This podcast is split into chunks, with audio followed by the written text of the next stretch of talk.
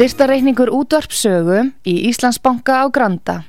Útubú 513, höfubók 26, reikningur 2.11.11.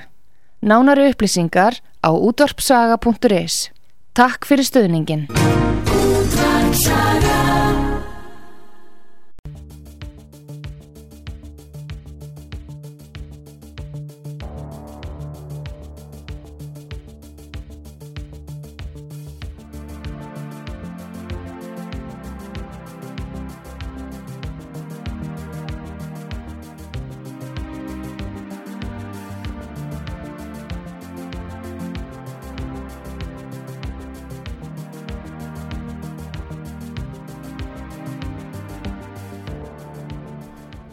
Góðir hlustendur, ég heiti Arnar Þór Jónsson og ég sitt hér í hljóð stúdíu útvarp sögu á samt Jóni Ívari Einarsinni. Jóni Ívar er prófessor við Læknadeild Harvard Háskóla, sérhæfður í kviðsjár aðgerðum kvenna og með meistaragráðu í líðheilsufræði. Jón Ívar starfar við Brigham and Women's Hospital í Boston og hann starfar einni á klínikinni í Ármúla og uh, Jón er hinga komin til að tala við mig um uh, grein sem að, til og með grein sem hann skrifar og byrstir í dag í morgunblæðinu á samt Erling Óskar Kristjánsinni og við ætlum að þess að ræða hér um efni sem að e, að sumuleiti bræðir saman sjó, lögfræðileg sjónarmið og læknisfræðileg. Því að þó að þessi þáttur minn hérna eigi ekki að snúast um COVID eða koronaviruna þá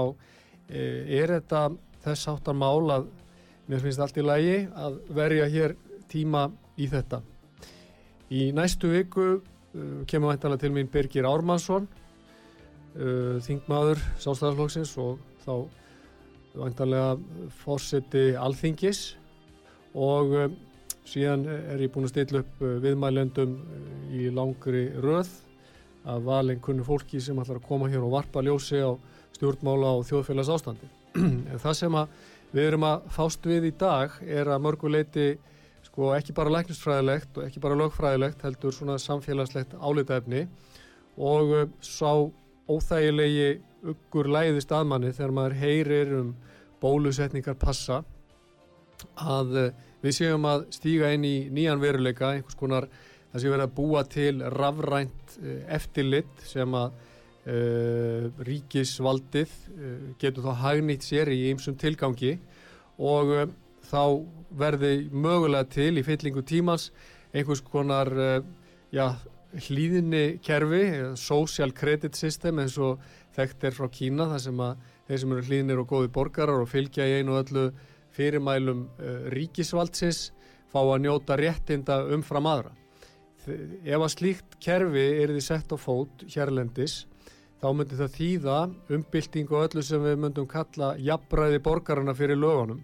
Og eh, þetta kallar á meiri háttar umræðu og af einhverju, einhverju dýft bæði meðal stjórnmálamanna og en ekki síður þá lögfræðinga og lækna og annara sem að uh, láta sko, heill og velferð samfélagsins í einhverju varða og réttar öryggi borgarna og það hefur vakið eftirtekt fleiri en mín að menn hafa verið mjög feimnir við að stíga fram. Jón Ívar hefur verið einn af örfáum íslensku læknum sem hafa uh, látið sig þessa umræðu varða og stígið vasklega fram í umræðu og uh,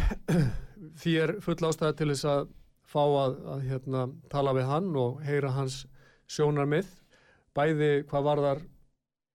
viðbröð stjórnvalda en ekki síður varðandi þá bara hvaða augum hann lítur nú á íslenskar heilbreyðiskerfi þegar hann er komin hér til starfa fullum krafti á klínikin eins og ég sagði áðan og við munum í síðar hluta viðtalsvæntalega ræða eins um þau sóknafæri sem að hann sér fyrir sér að við eigum hér á Íslandi.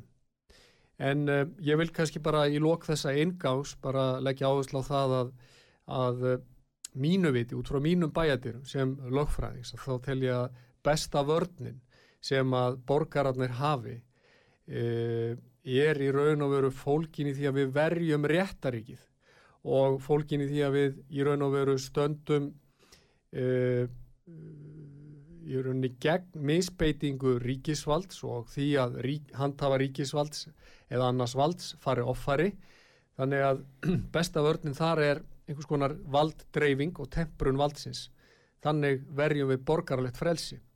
en uh, nú rýs við sjónarhól við, við sjóndeldar hringins þessi,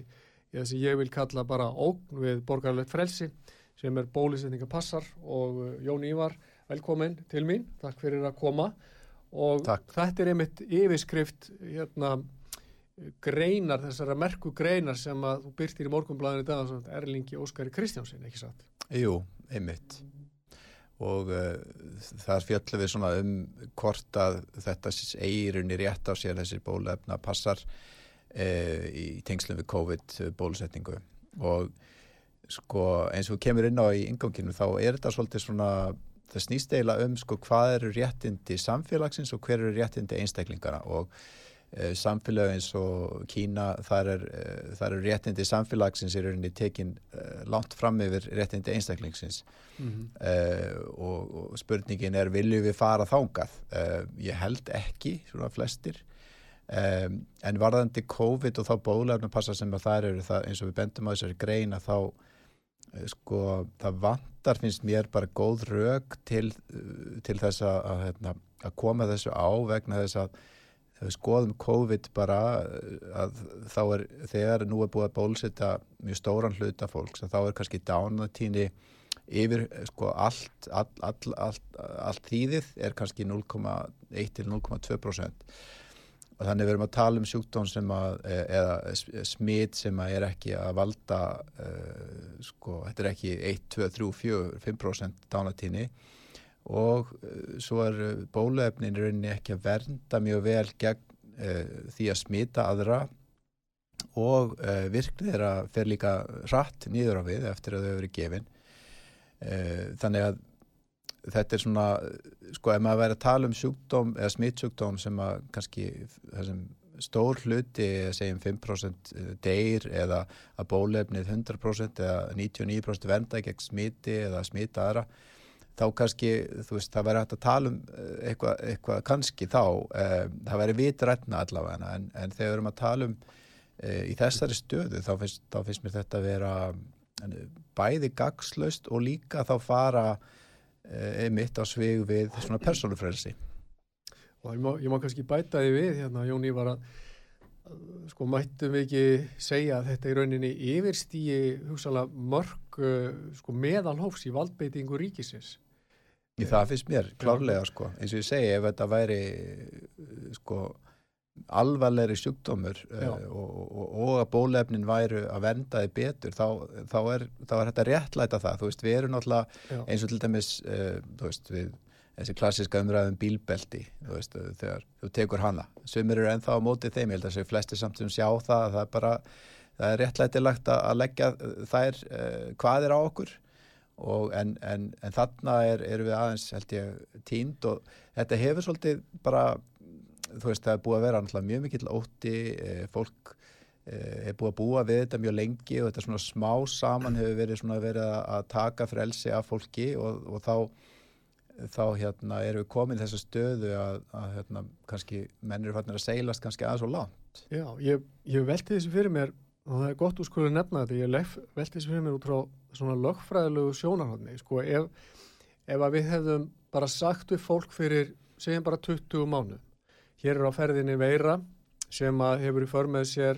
0,1% dánalíkur. Er það ekki það sem er nefnt í greinin ykkar í dag? Jú, jú, einmitt. Og ef við hefum sagt þá við fólk á þessum fósendum ætlum við að grýpa til alls konar aðgerða sem munur raska eitthvað daglega lífi og að ímsuleiti sko, skerða borgarlegt frelsi til ferða og funda og, og jafnvel í vestu tilveikum frelsi ykkar til að taka til máls og gaggrina stjórnvöld og svo framvegis á hefði sennilega engin samþygt það, eða allavega lítill minni hluti. Nún er löðinir 20 mánu, þetta er orðið bísna langu tími það við dönuð á okkur endalus frettaflutningur af veirunni og hún hefur raunni yfir tekið nánast bara allt sviðið og maður veldi fyrir sér eru við sko, komin inn í einhverja nýja vít þar sem að lagalegir eða læknisfræðilegir mælikvarðar eiga þá að vera aðrir en þeir hafa verið fram að þessu.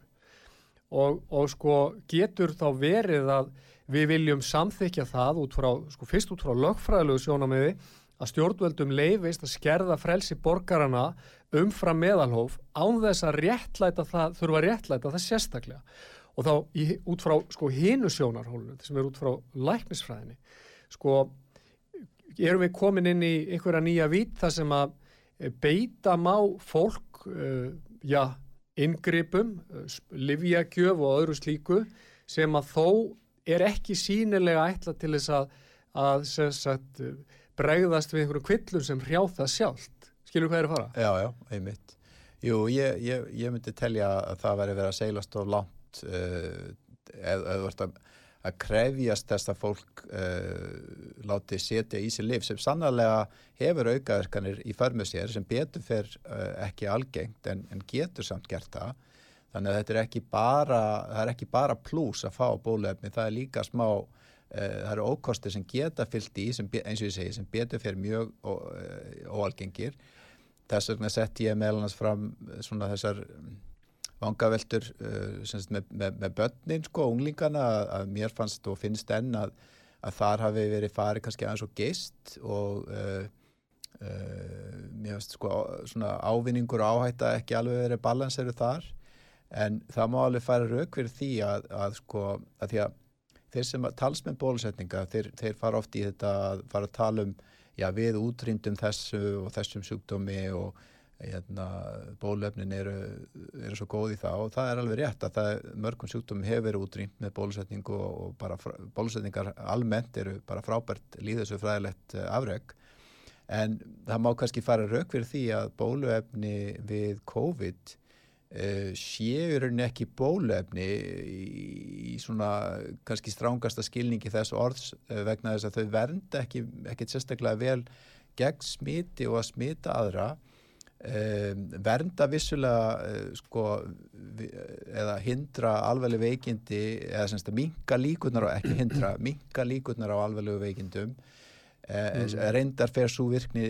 hratt nýður líka. Þannig að sko það kannski verið réttar að tala um þetta sem liv og ef við verðum að tala um þetta sem liv Já. að þá myndir fólk líta á þetta svolítið öruvísi veist, við ætlum að gefa þér hérna liv mm -hmm. sem að uh, getur minga veikindi en hefur líka uh, hugsanlega eitthvaðar alveglegar afleggingar mm -hmm. sjálfgjafar og við ætlum að segja við þig þú þart að taka þetta liv Já. annars mátt ekki vinna hérna annars mátt ekki koma hinga eða fara þangað eh, þetta, þetta finnst mér að vera svolítið uppkvænlegt það er það Já og þannig að það mætti kannski, það væri kannski nær lægi að tala um þetta sem svona forvörn, forvarna lif eða fyrirbyggjandi lif gegn alvarlegum veikindum ef að heldur en að tala um þetta sem bóluefni eða hvað. Já, já, og ég meina ég, þú veist, uh, mín eh, áhætta, það er að finna alls konar reiknivelar á netinu, það sem við getum séð hvað þín áhætta er með að við svona aldur og fyrir störf og, og mín áhætta er mjög lág en, en samt uh, hef ég látið bólusetta mig og mér finnst það bara sko enn og aftur þá er áhættan finnst mér mjög lítil við það og, og, en ávinningur er enda mjög lítil líka en, uh, en ég gerði það nú samt og, og hérna, en mér finnst að, að fólk sem er sérstaklega sem er heilbrygt og ungt fólk, uh, ef það tekur það ákverðin bara að vilja ekki láta bólusetta sig bara hvaða ásökun það er, kannski var að búið að fá COVID eða, eða hvað sem er Já. þá er, þú veist, það er það finnst mér bara að vera þeirra ákverðin Já, eða eins og við höfum talað um að, hérna, ég talaði um við Erling í síðustu viku sko að það getur verið, það er ástæður að fólk af,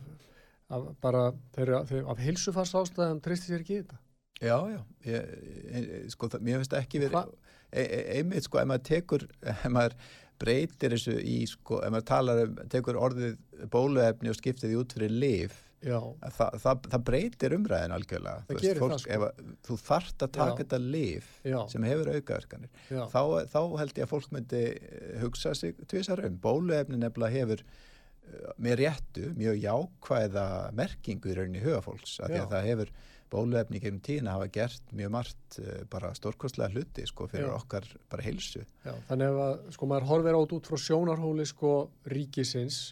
eða fjölmiðlana sem að mínu veitur hafa staðið sér afskaplega illa að þá er allt, þá er allt spurningum ef þú vilt koma einhverju í gegn hjá almenningi þá er allt spurningum hvernig þú rammar það eins sko, þetta er spurningum á einsku sko framing. Og þá að velja orðið bóluefni er þá sannarlega kannski til þess fallið að auka líkur á að fólk undirgangist en bara svona forvitni að, að sko nú er það, nú leikur það fyrir. Mér sýnist að 29. november þá hafi þar sé að í gær þá hafi borist, e, verið búin að berast 5567 tilkynninga vegna grunnsum aukaverkun vegna þessara nótkunn þessara efna gegn COVID þar af 231 alvarleg. Og, eh, og hérna núna á síðustu nýju dögum hefur á borist á sjö alva, tilvík, eh, tilkynningar um alvarlegar aukaverkanir og 155 hérna, tilkynningar um aukaverkanir. Og maður veldi fyrir sér svona í sögulegu samíkjum, maður skoðar þetta bara út frá bara fyrri já, bóluefnum eins og gegn svínaflensu og öðru sínist þér og því við vorum að tala um nýja hvort það verður komnur einhverjir sko nýjir mælikvarðar fram á sjónasvið er e, eru vikmörkin að þínu viti sko eitthvað rýmri varðandi þessi liv núna heldur en fyrri liv, ég meina nú, nú er það þekkt að, að bóluefni hafa fyrir stegum verið bara tekin úr umferð og lif hafa verið tekinu umferð að það er stekið sínt að það fylgi aukaverkanir, jafnvel þó að séu svona eitthvað svona, já, sjálfgæfar það er einhver það er, er einhver sásöka mörg þarna, ekki satt? Jú, sko, ég hef saknað þess svolítið að fá nánari útlistanir á þessu vegna þess að e, mér finnst einhvern veginn, það, það bara hlýtur að vera að Uh, einhvern stór hluti þessar tilkynninga það, það sé ekki orsakasammengi vegna þess að ef það er orsakasammengi og það er þetta margar tilkynningar það er þá auðvitað til, tilefni til þess að endur skoða bara hvort það er verið að gera þetta yfir höfuð. Eh, þannig að sko, þetta er náttúrulega landlækningsembatti sem að, á að sjá um þetta og, og, og í samvinni við sóttarlækni og uh, ég bara treysti því að trúi því að vonandi hef ég það rétt að, að þau sé að skoða þetta mjög vandlega og, og, og, en mér finnst vanda uh, frekari eins og ég segi upplýsingur myndum við fáum þess að tölur það er hundruðir sko alvarleira aukaverkana en uh, lítið fjallaði hvernig einn umvenda og ég meina man, manni finnst þetta uh, sko kannski er ekkert orsakastamengi þarna í, í langkvöldsum tilfellum en en það er, mér finnst ég er bara eins og aðrir kannski bara sem, sem lesa sér upplýsingar, ég veit ekki meir og, og þá maður saknaði þess að fá betri útlistanir á þessu, það, það er ekki raunin verið mikið talað um það. Nei, sko þá veldur maður auðvitað fyrir sér í fyrsta lægi þætti fjölmiðla og mér veriðist að umfjöldum fjölmiðla um þetta hafi verið bísna einhliða. Það er búið að mata núna almenning á Vesturlöndum í það minsta í 20 mánuði á einhliða upplýsingum um þetta þannig að að ótti almennings hefur magnast upp og allar kannanir benda til þess. Og þá þegar að stjórnveldur kom með mikið fylgi fyrir sko aðgerðum í formi frelsinskerðinga og eftirlits og svo framvegs og mögulega því vingarar hérna livjagjafar að þá er tekið næsta skref. Og þetta er svona mjög umhugsunavert en annað sem að mér finnst líka umhugsunavert og ég verða eiginlega að spurja þig að er sko hvers vegna hafi ekki fleiri læknar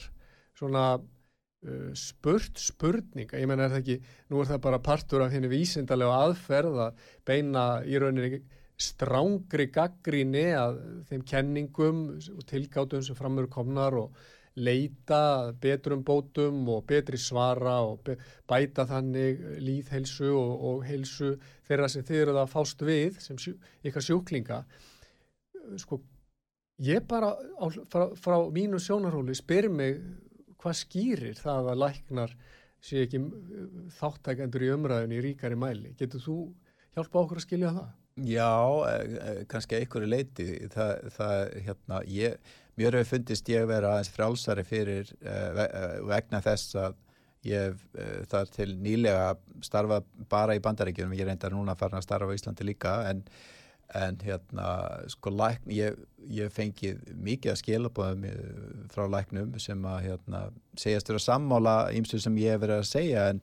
vilja ekki stíga fram vegna þess að málið er á Íslandi er að þetta er, þetta er náttúrulega lítið land uh, þetta er, ég hef talað um að læknar í Íslandi sé svona ákveðin ættbálkur eh, og ef þú fer að svig við ættbálkin þá getur þú bara verið útskúfaður úr honum. Og fyrir marga lækna er bara einn vinnustæður sko á Íslandi. Þú, ef þú far ekki vinn á landsbytalunum þá bara, getur þú bara þurft að flutast bara með fjölskyldina ellendis og það er bara stóra áhætta uh, að segja kannski eitthvað sem að reytir hérna, stjórnendur spítalans til reyði eða eitthvað slíkt, ég held að fólk sé bara hafi áhyggjur af því og, bara vilja ekki taka hana slag vegna þess. Þannig að það er, það, það er sko þessi tegund af mann, mannfólki eða, eða bara fólki er bísna sjálfgef það er, það er þeir sem eru tilbúinir að þá eh, standa með sannfæringu sinni og tala máli samveisku sinnar. Uh, jafnvel þó að þeim sé hótað einhverjum afleðingum og uh, þess, maður veldir fyrir sér þessu sko í samhengi bara sko þessu uppeldis sem að við fáum þess uh, þeirra kennslu sem við fáum í rökfræði og annað þetta kannski má sín lítils þegar við stöndum fram með fyrir sko hörðum áróðri eða, eða þungri jafningja pressu Já, gerir það, það er hérna og sérstaklega eins og ég segi svona, á, í svona litlu landi þar sem þú hefur engin, enga völ Eh, fyrir annað vinnustad, ég meina í bandaríkjónum ef, ef að ég myndi missa vinnuna eh, í Massachusetts, þú veist, ég geti þó að ég myndi veist, eh, virkilega brenna allar brýr þá get ég bara farið í eitthvað annað fylki og fengi bara fína vinna og okkur góðu sjúgrási þar, skilur en, en það, það er bara ekki, stendur ekki til búa hér. Já, þeir sem hafa svona stúterað í raun og veru fasisma eins og hann byrtist þeir hafa lagt aldrei upp úr því að ég sá það einhverstaðar sagt að það sé í rauninni auðveldara að sko eh, knésetja sko lítil samfélag og svona þjætt samfélag út frá þessu sjónamöðum sem við erum þá endala að tala um. En uh, þetta og það sem að bara ég, ég er svo undrandi á er að nú stöndum við frammi fyrir bara algjöru grundu alla breytingu á samskiptum ríkis og borgara. Og þetta getur eftir alveg skelvileg áhrif á all, alla samfélagsgerðina ef þetta gengur eftir með bólefna passa á rafrænt eftirlit með því hvort að við erum góður og hlýðinir borgarar og skelvilegri valdbeiting á halvi ríkisins. Að sko þá hefði ég einhvern veginn haldið að það er því meiri mótstaða, meiri að, hérna, umræða og, og að það er því svona, menn kæmu með betur til varnar því sem þeirri samfélagsgerð sem við þekkjum en svo er ekki orður raunin uh, við, við skulum ekki gefa upp alla von, við höldum áfram umræðinni hérna, segðu mér aðeins betur frá því sem að þið, þið svona niðurstöðum ykkar í, í, í greininni í dag í morgumblæðinu Já, í rauninni niðurstöðunar eru bara þær að, að bólöfna passar uh, í þessu, þessu tilfelli í COVID er í rauninni gagslausir bara vegna eins og segi virkni bólöfna og smithættu og annað. Og, og, og auðvita fara þá svolítið líka gegn frelsi borgarana þannig að uh, við, við teljum að það sé ekki þess virði að fara út, út í þá það er æfingar. Eins og ja. því miður maður sér eh, verið að gera í mörgur löndum í Európu það er merkilegt eða að sjá sko hvað Európa, eða sum lönd Európu hafa farið langt í þess átt. Eh, það er svona þetta er svona virðist vera sko að þeir séu að tala saman og, og þeir séu svona að reyna að gera meira en, en hinn sko einhvern veginn og eins og við vitum alltaf þegar þú ert í ákveðnu umhverfi þá, þá brenglast svolítið þín, þitt svona skinn á uh, hérna, umhverfi þitt, það er að segja ef allir er að hugsa eitthvað neina þá, þá ferð þú svolítið, þá verður það svolítið meira normið. Og, og hérna maður svona hefur það í, svolítið uh, tilfinningunni að þessi frelsis elskandi lönda Európu eitthvað neina, þau, þau eru öll búin að færast alveg svakalega langt sko mm Já. í svona hálfgerða allraðis átt sem að mér finnst vera og við reyndar hefum ekki farið svo langt en, en það er náttúrulega tölur hægt á því. Já, það er ástæða til að minna hlustendur á það að ef maður hefur skoðað söguna þá virðist vera ótrúlega frjóri jarðvegur á meilandi Evrópu fyrir allræði og ef að þetta þróast í þá átt sem að ég óttast að, að ríkisvaldi í raun og veru sko stýi skrefið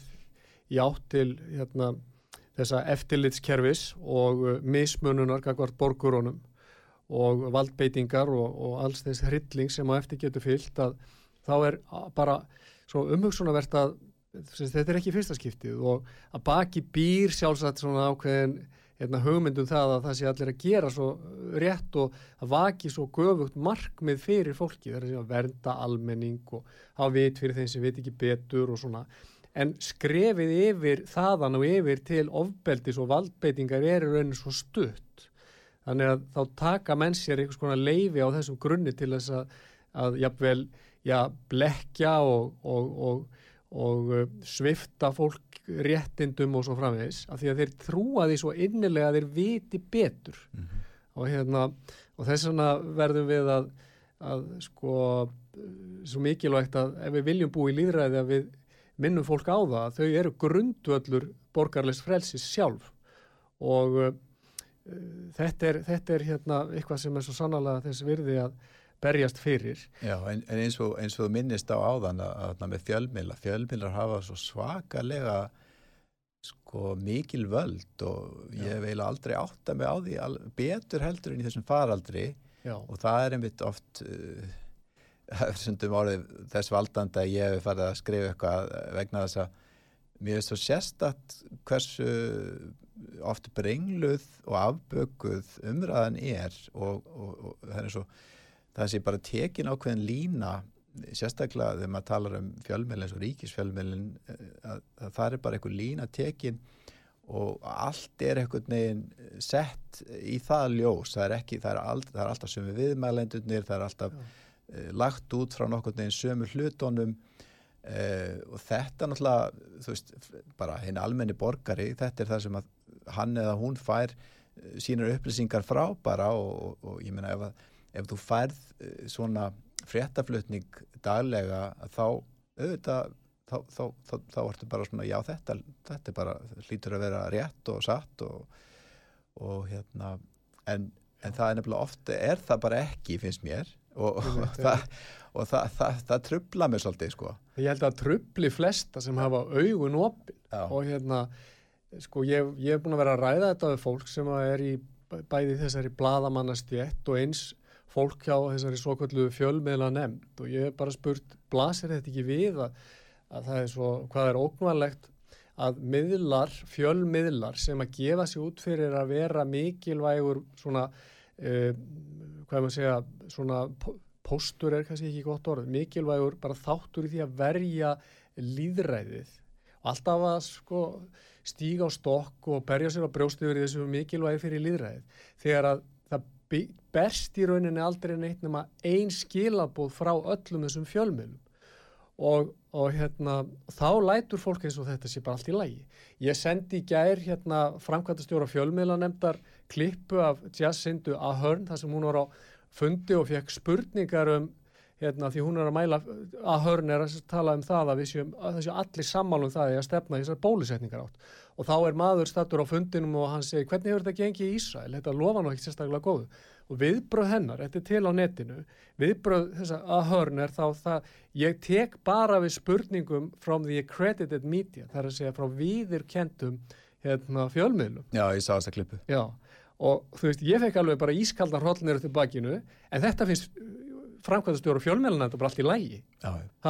og, og þá, þá segir ég, ok, við erum með ríkis fjölmiðl sem er rekin hér fyrir 5.000 miljónur ári. Við erum með, fram, við erum með hérna, fjölmiðlanemnd sem á að sinna því hlutverki hafa eftirlit með fjölmiðlunum og svona, já, eins og jákvætt og það nú er eða, eða neikvætt. En þá, sagt, spyr maður sig, ef það er engin gaggríni, ekkert aðhald og fólk horfir gegnum fingur sér með svona vinnubröð þessum að stjórnmálamenn og fjölmiðlamenn eru virðast vera komnir í eina sæng. Þá spyr maður sig er þá útvarp saga eftir allt það ljóta sem við búum að segja um þennan fjölmiðl hér mögulega þá orðin einhvers konar bara eitthvað ljós í einhverju sko aðþrengjandi myrkri? Ég spyr mig sjálfan og það er kannski ástæðan fyrir því að ég kom hérna til þess að vera með henn að þátt hér. En uh, nú skulum við gera Nefnum við viljum bæta ykkur við núna. Nei, ég er góður bara. Ok, þá gerum við stutt hér núna og höldum svo áfram og í setni hlutanum ætlum við að ræða um það hver eru sóknarfæri núna í íslensku heilbyrðiskerfi þegar að ný ríkistjórnir að taka við og við vonandi förum að vinna okkur út úr þessu, þessu ruggli öllu. Með mitt. Takk Flott. fyrir Billy, takk.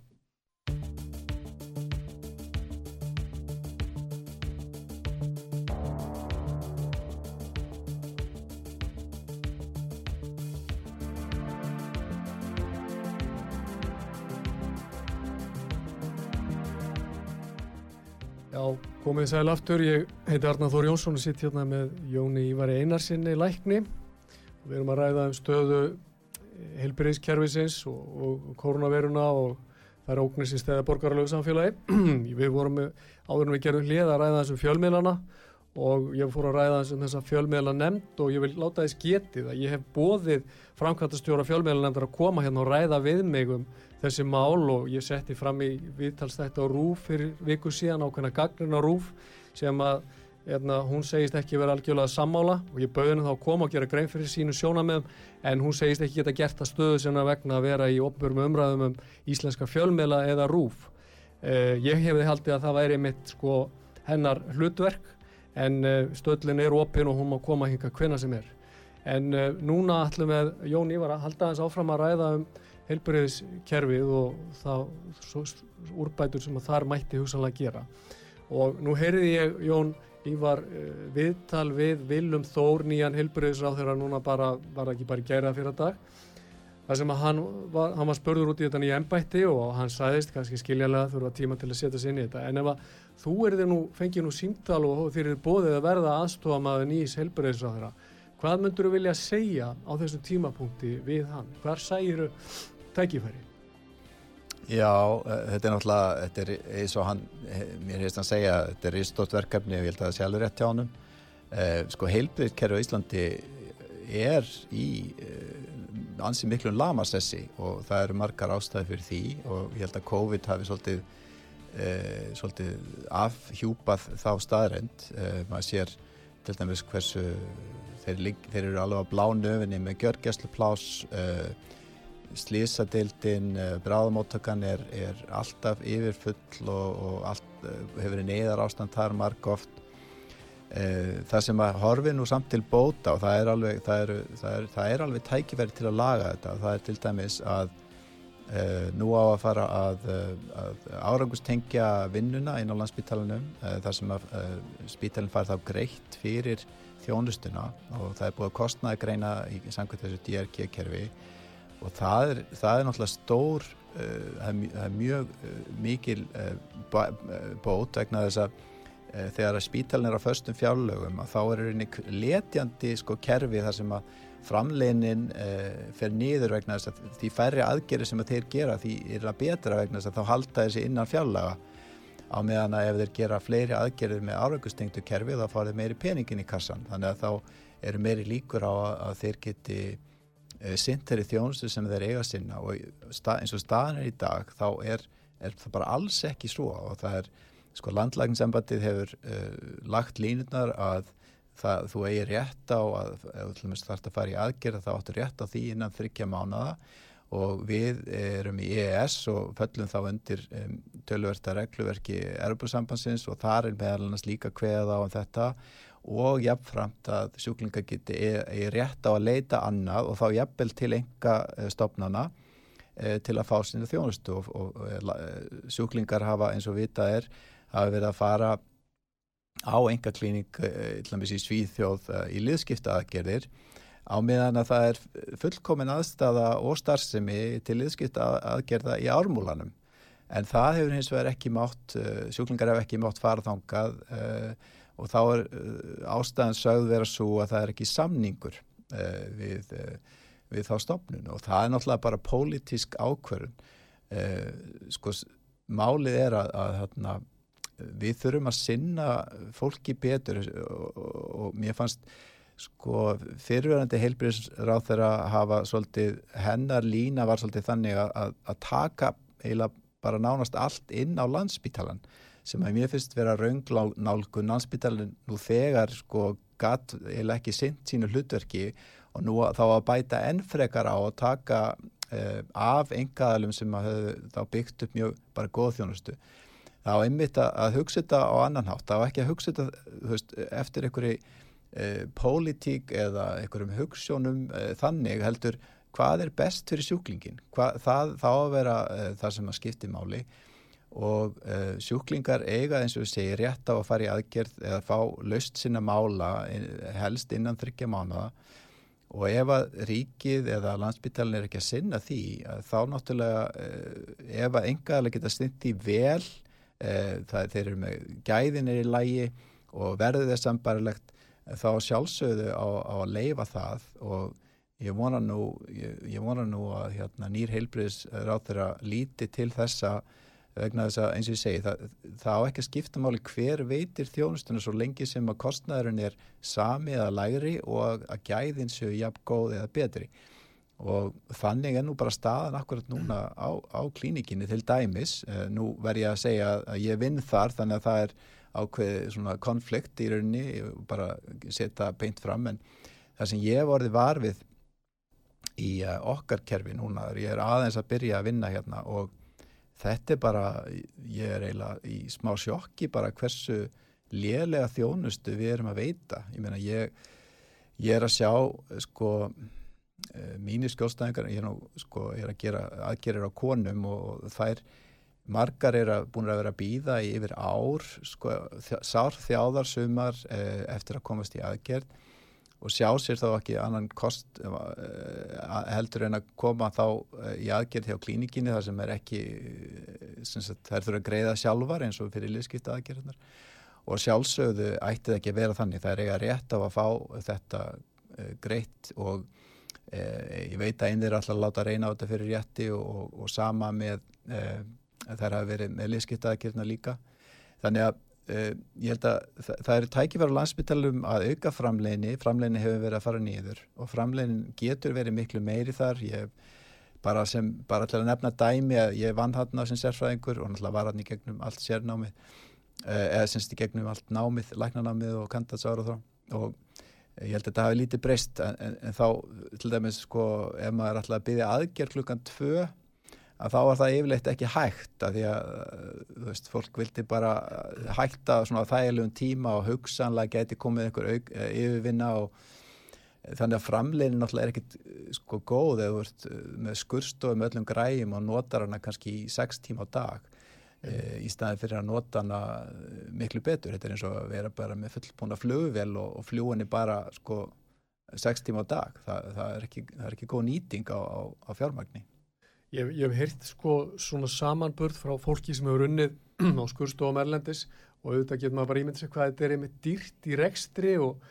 og hérna mikil verðmæti þannig í húfi að, að þá er samanburðurinn Íslandi mjög óhagstæður varðandi nýtingu á þessum rýmum.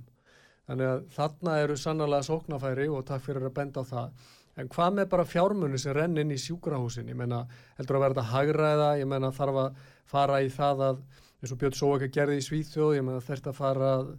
fækka millistjórnendum og, og nýta fjármönuna betur? Al, algjörlega, ég, ég myndi nú helst bara vilja fá Björn Sóaka hérna til að taka við landsbytjanlega, það væri bara frábært. Ég held að sko maður sér, þetta er ekki reynda bara sér Íslands fyrirbriði þetta með stjórnendur og svona, þetta, þetta er með í bandaríkjana með líka það sem uh, ég er að vinna, að maður sér svona hvernig stjórnendurum hefur fjölgað mjög mikið og, og samband þeirra við hérna klínisku starfsemi þá sem að eru svona gólfinu